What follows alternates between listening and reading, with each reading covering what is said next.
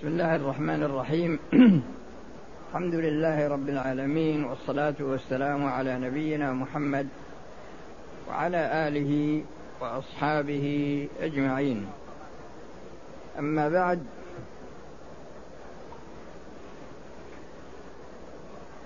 فقد سبق الكلام على بداية المقدمة التاسعة.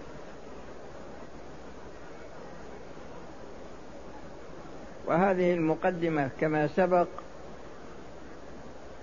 في بيان مراتب العلوم لأنه سبق بيان مراتب العلماء في المقدمة التي قبلها. وفي هذه المقدمة فيها بيان مراتب العلوم التي يدرس التي ينبغي لطالب العلم أن يدرسها وبيان ما تتميز به كل مرتبة من المراتب. فذكر أنها ثلاث مراتب. فقال من من العلم ما هو من صلب العلم. هذه هي المرتبة الأولى. ومنه ما هو من ملح العلم. لا من صلبه ومنه ما ليس من صلبه ولا ملحه فهذه ثلاثة أقسام. في الدرس الماضي تكلمت لكم على القسم الأول وعلى مرتبة واحدة على لأن ذكر أن هذا القسم له ثلاث خصائص يعني له ثلاث صفات. هذا القسم القسم الأول الذي هو من صلب العلم. هذا ذكر له ثلاث صفات. وتكلمت لكم على الصفة الأولى.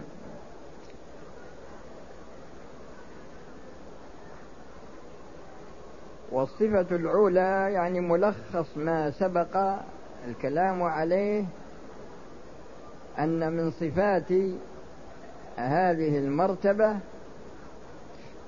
أن العلم يكون عاما وشاملا. يكون عاما ويكون شاملا ويكون كاملا. وهذا لا يتم يعني هذه الصفة لا تتحقق إلا في كتاب الله وفي سنة رسوله صلى الله عليه وسلم. وتكلمت لكم على هذا ما. لكن الكلام الآن في الصفة الثانية. صفة الثانية. الصفة الثانية يقول فيها رحمه الله والثانية الثبوت من غير زوال. فلذلك لا تجد فيها بعد كمالها نسخا إلى آخره. بما أن الشريعة شريعة عامة للثقلين للإنس وللجن وأنها كاملة. وأنها كاملة. وأنها مطردة. هذه المرتبة هذه المزية فيها تنبيه على نفي ما يمكن تصوره نفي ما يمكن تصوره مما له تأثير على عموم الشريعة وكمالها واضطرادها. وذلك يتبين بوجوه. منها أن النسخ واقع. في القرآن وواقع في السنة. لكن ذلك في حياة الرسول صلى الله عليه وسلم فقط.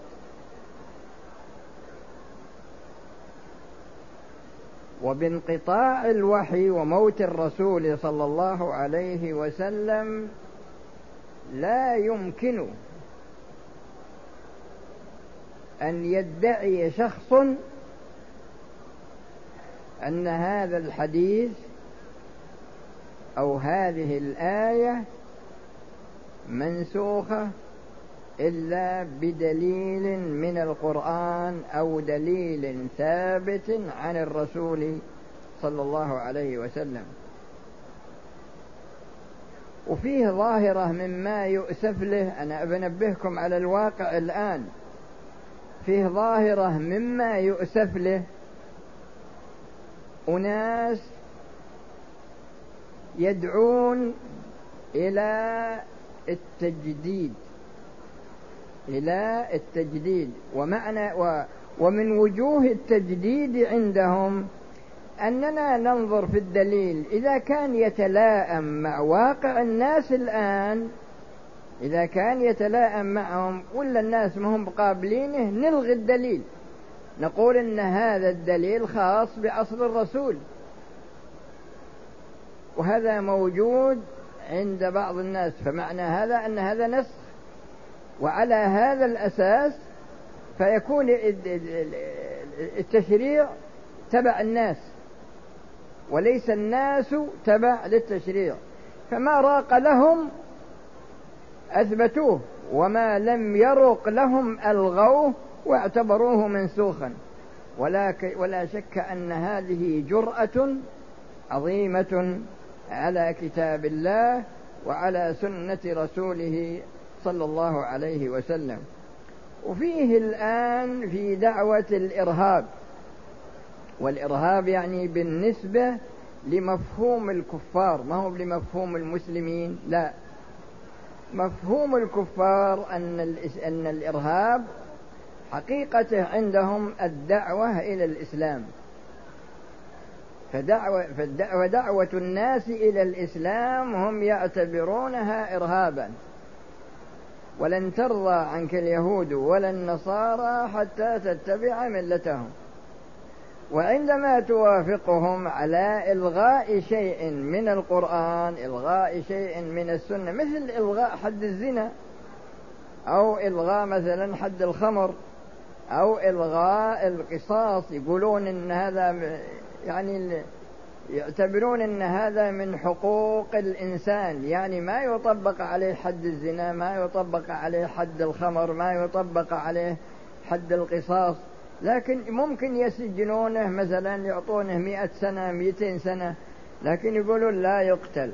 وهذا يعني تشريع من عندهم. فغرضي أنا أن إلغاء شيء إلغاء يعني دليل من الأدلة الثابتة في القرآن وفي السنة انتهاء بحياة بانتهاء حياة الرسول صلى الله عليه وسلم. وهو ما يعبر عنه العلماء بالنسخ هذا وجه. وجه آخر التقليل من الدليل وهذا يسمى في العلم يسمونه التخصيص. والتخصيص قد يكون باعتبار تخصيص شخص إخراج شخص. إخراج شخص يعني ما ينطبق عليه التشريع. مثل الآن ما يوجد عند المتصوفة وعند بعض الفرق الضالة. عندهم مراتب للعلماء. في مرتبة إذا وصلها الشخص سقطت عنه جميع التكاليف. يعني لا يحتاج إلى لا, لا يصلي ولا يصوم ولا ولا يحج.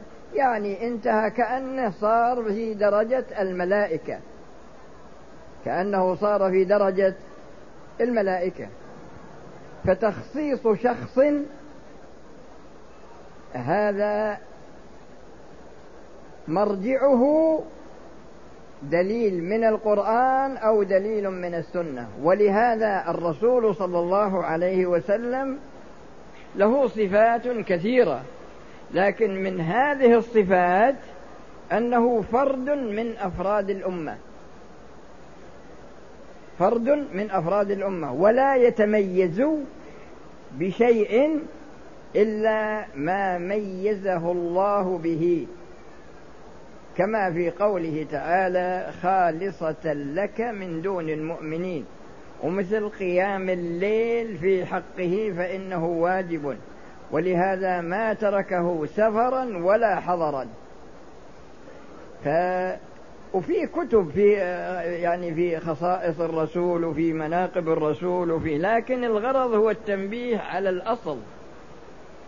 أن الرسول لا يختص دون أمته إلا بدليل من القرآن كما في قوله تعالى خالصة لك من دون المؤمنين. وكذلك لا يختص فرد من أفراد الأمة بحكم إلا بدليل كما في قصة شهادة خزيمة تعدل شهادة اثنين. وكما في قصة صاحب العناق الذي جاء بها إلى الرسول صلى الله عليه وسلم ولم تكمل السن الشرعي للأضحية. فسأله عنها فقال إذبحها ولن تجزئ عن أحد بعدك. فكلمة ولن تجزئ عن أحد بعدك هذه خصوصية لهذا الشخص. وبناء على ذلك فتخصيص شخص فتخصيص شخص عن الأمة بحكم من الأحكام أو إلغاء حكم خاص به هو.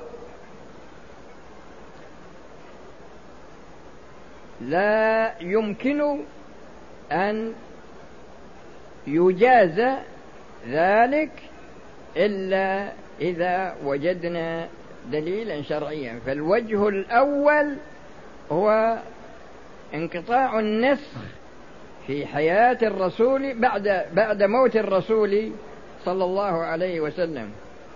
والوجه الثاني انقطاع تخصيص فرد من أفراد الأمة بحكم يخصه دون غيره أو إلغاء حكم عنه.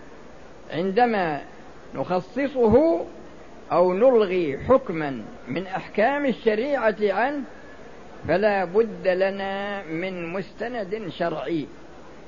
والتخصيص, والتخصيص, والتخصيص هذا انقطع بانقطاع الوحي. فيه بعض المسائل يعني مثل باب الرخص هذا ما يدخل في الموضوع. لكننا نريد تخصيصه من باب العزائم. تخصيصه من باب العزائم. هذا هو الوجه الثاني. الوجه الثالث أيضا تقليل الصفات لأن هذاك تقليل الأشخاص أو تقليل المسائل هذا تقليل الصفات. وتقليل الصفات هذا باعتبار هذا العلم معروف بأنه باب المطلق والمقيد. فعندما يكون دليل مطلق في القرآن أو دليل مثلا مقيد هذا إذا وجدنا المطلق والمقيد في القرآن أو في السنة أو في القرآن والسنة اعتبرنا. لكن هل لأحد من أهل العلم أن يقيد دليلا من اجتهاده هو؟ هل يمكن أن يقيد دليلا من اجتهاده هو؟ لا. لأن الله تعالى قال اليوم أكملت لكم دينكم وأتممت عليكم نعمتي. فمعنى هذا أن التخصيص كامل وأن تقييد المطلقات الموجودة في القرآن أيضا كذلك آه، كاملة.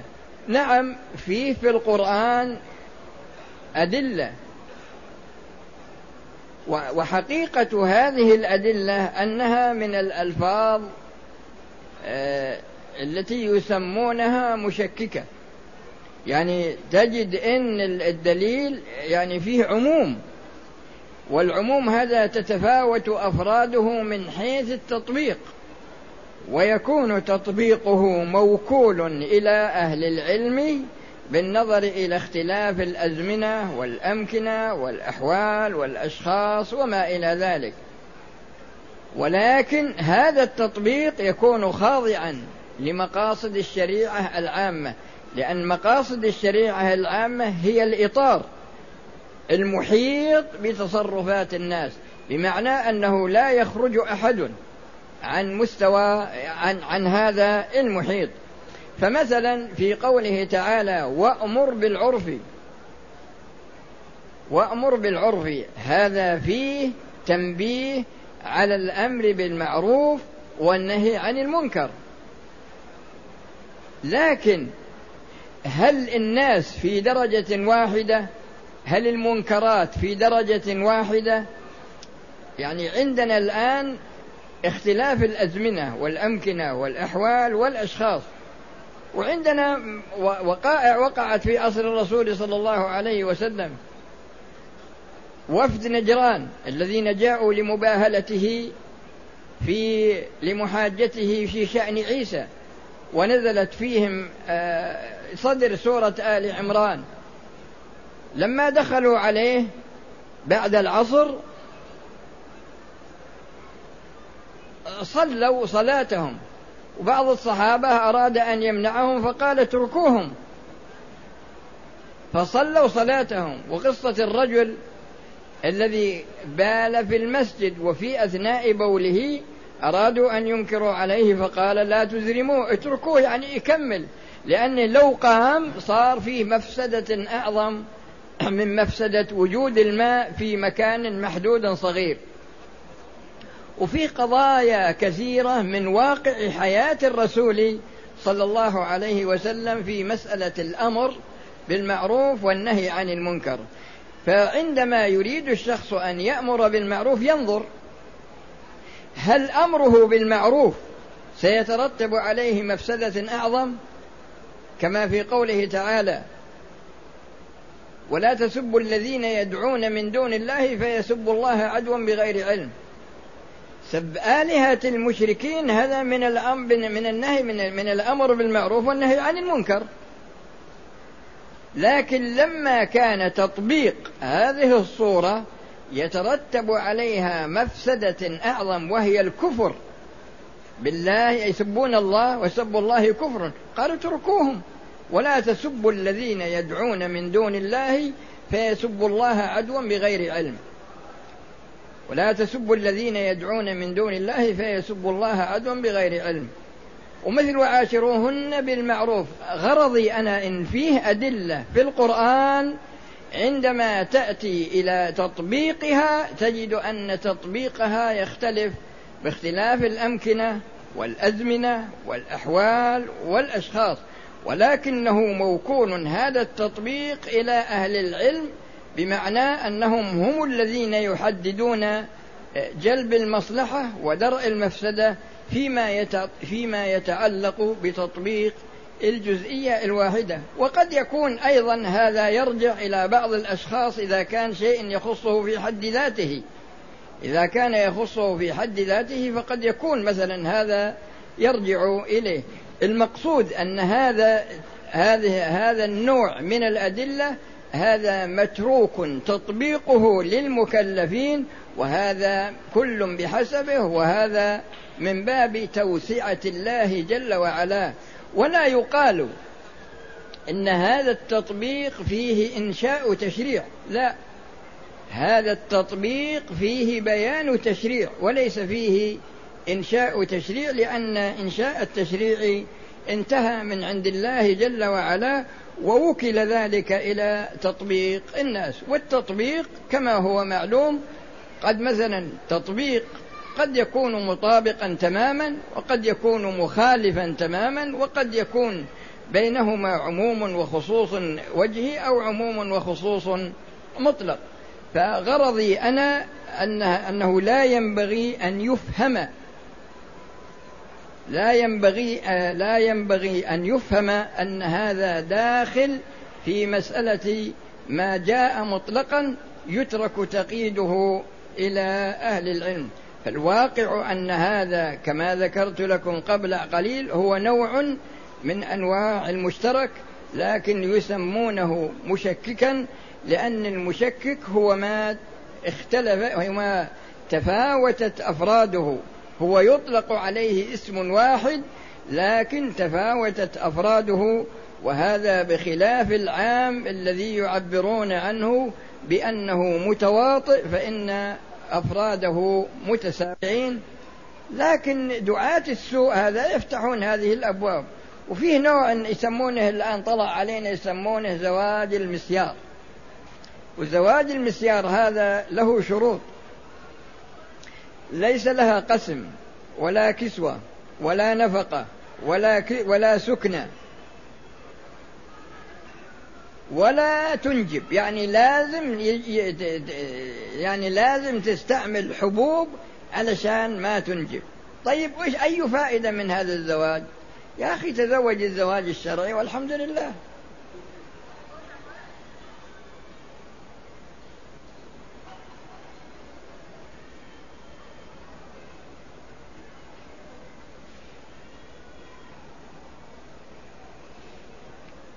وهذا يقول ما حكم جمع الصلوات بحكم عملي من الساعة العاشرة مساء إلى الساعة العاشرة صباحا وأنا أجمع الظهر والعصر والمغرب يعني ينام ويجمعهم جميع يا أخي لا يجوز لك.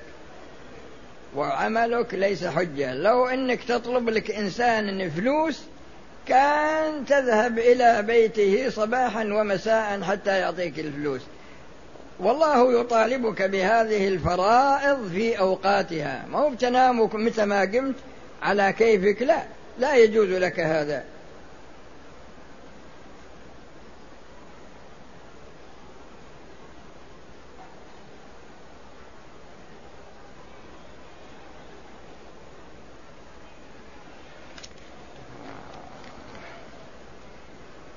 فاضي هذا بس.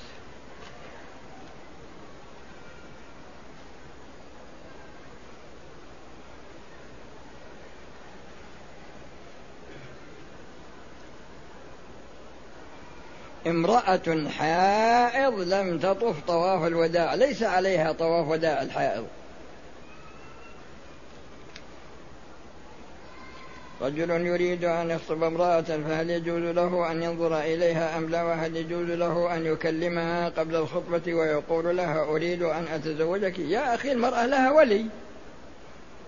خل العلاقة بينك وبين الولي وإذا تمت تمت الموافقة بينك وبين الولي ما في مانع من أنك تراها. لكن في بعض الأشخاص يتردد يريد أن مثلا يشوفها خمس مرات عشر مرات عشرين مرة كل يعني يكفي مرة واحدة لأن الرسول صلى الله عليه وسلم قال هل لا نظرت إليها فإنه أحرى أن يؤدم بينكما. وبعضهم يسأل يسألني يقول يقول أنا ودي أشوف ولكن ما ودي يقعد عندنا أحد ودي أقعد أسولف أنا وياها و... هذا ما يجوز.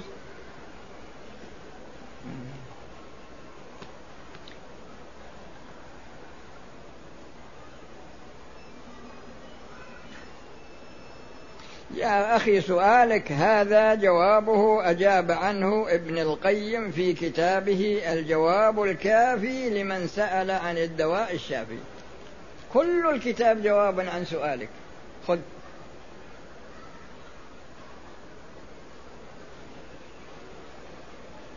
وهذا يقول يعني وش, وش, وش مقياس اللحية اللي أبقيها في مكانها. يعني يحتاج إلى أن يعني ما أدري يعني كيف وش يريد هذا. يا أخي الرسول صلى الله عليه وسلم ما تعرض للحيته وأمر بإعفائها. يعني حصلت منه السنة الأمر الأمر القولي والناحية العملية. والرسول صلى الله عليه وسلم يقول عليكم بسنتي وسنة الخلفاء الراشدين.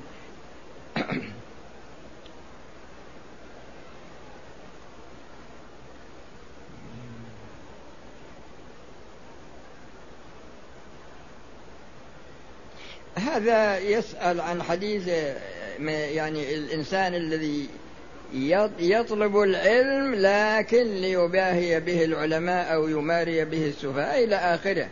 هذا يرجع إلى قاعدة في الشريعة وهي قاصد وهي قاعدة المقاصد في جميع الأعمال. لأن الرسول صلى الله عليه وسلم قال إنما الأعمال بالنيات وإنما لكل امرئ ما نوى. إنما الأعمال بالنيات وإنما لكل امرئ ما نوى. ولهذا قال تعالى بالنسبة للحرم ومن يرد فيه بس مجرد قصد ومن يرد فيه بإلحاد بظلم نذقه من عذاب أليم. وفي جانب الله يقول الله جل وعلا وما الله يريد شوف يعني دقة يعني اختيار هذا اللفظ. وما الله يريد ظلما للعباد لأن العبد قد يريد ويظلم وقد يريد ويتوقف لكن الله انتفى عنه الظلم في الواقع وانتفى عنه وانتفت عنه إرادة الظلم. وفي أشياء كثيرة تتعلق بالموضوع هذا لكن القاعدة العامة هي أن العمل على حسب النية. فإن صلحت النية صلح العمل وإن فسدت النية فسد العمل. هذا من ناحية. ومن ناحية ثانية أن النية في باب العبادات شرط في أمرين. الأمر الأول أنها شرط في صحة العمل والثاني أنها شرط في الثواب على العمل. أما النية في غير باب العبادات فإنها شرط في الثواب فقط وليست شرط في الصحة. فمثلا لو إنسان باع بيته ولا سيارته وقال ها والله أنا يعني صدر منه صدر منه يعني اللفظ الشرعي. لكن قال ها أنا والله ما نويت البيع. ما ما يقبل من هذا الكلام. فلا بد أن يكون الإنسان عندما يتبع الأمر في باب العادات أو أو يترك النهي في باب العادات ويقترن بهذا الفعل أو بهذا الترك قصد الامتثال هذا يثاب عليه. خلاص؟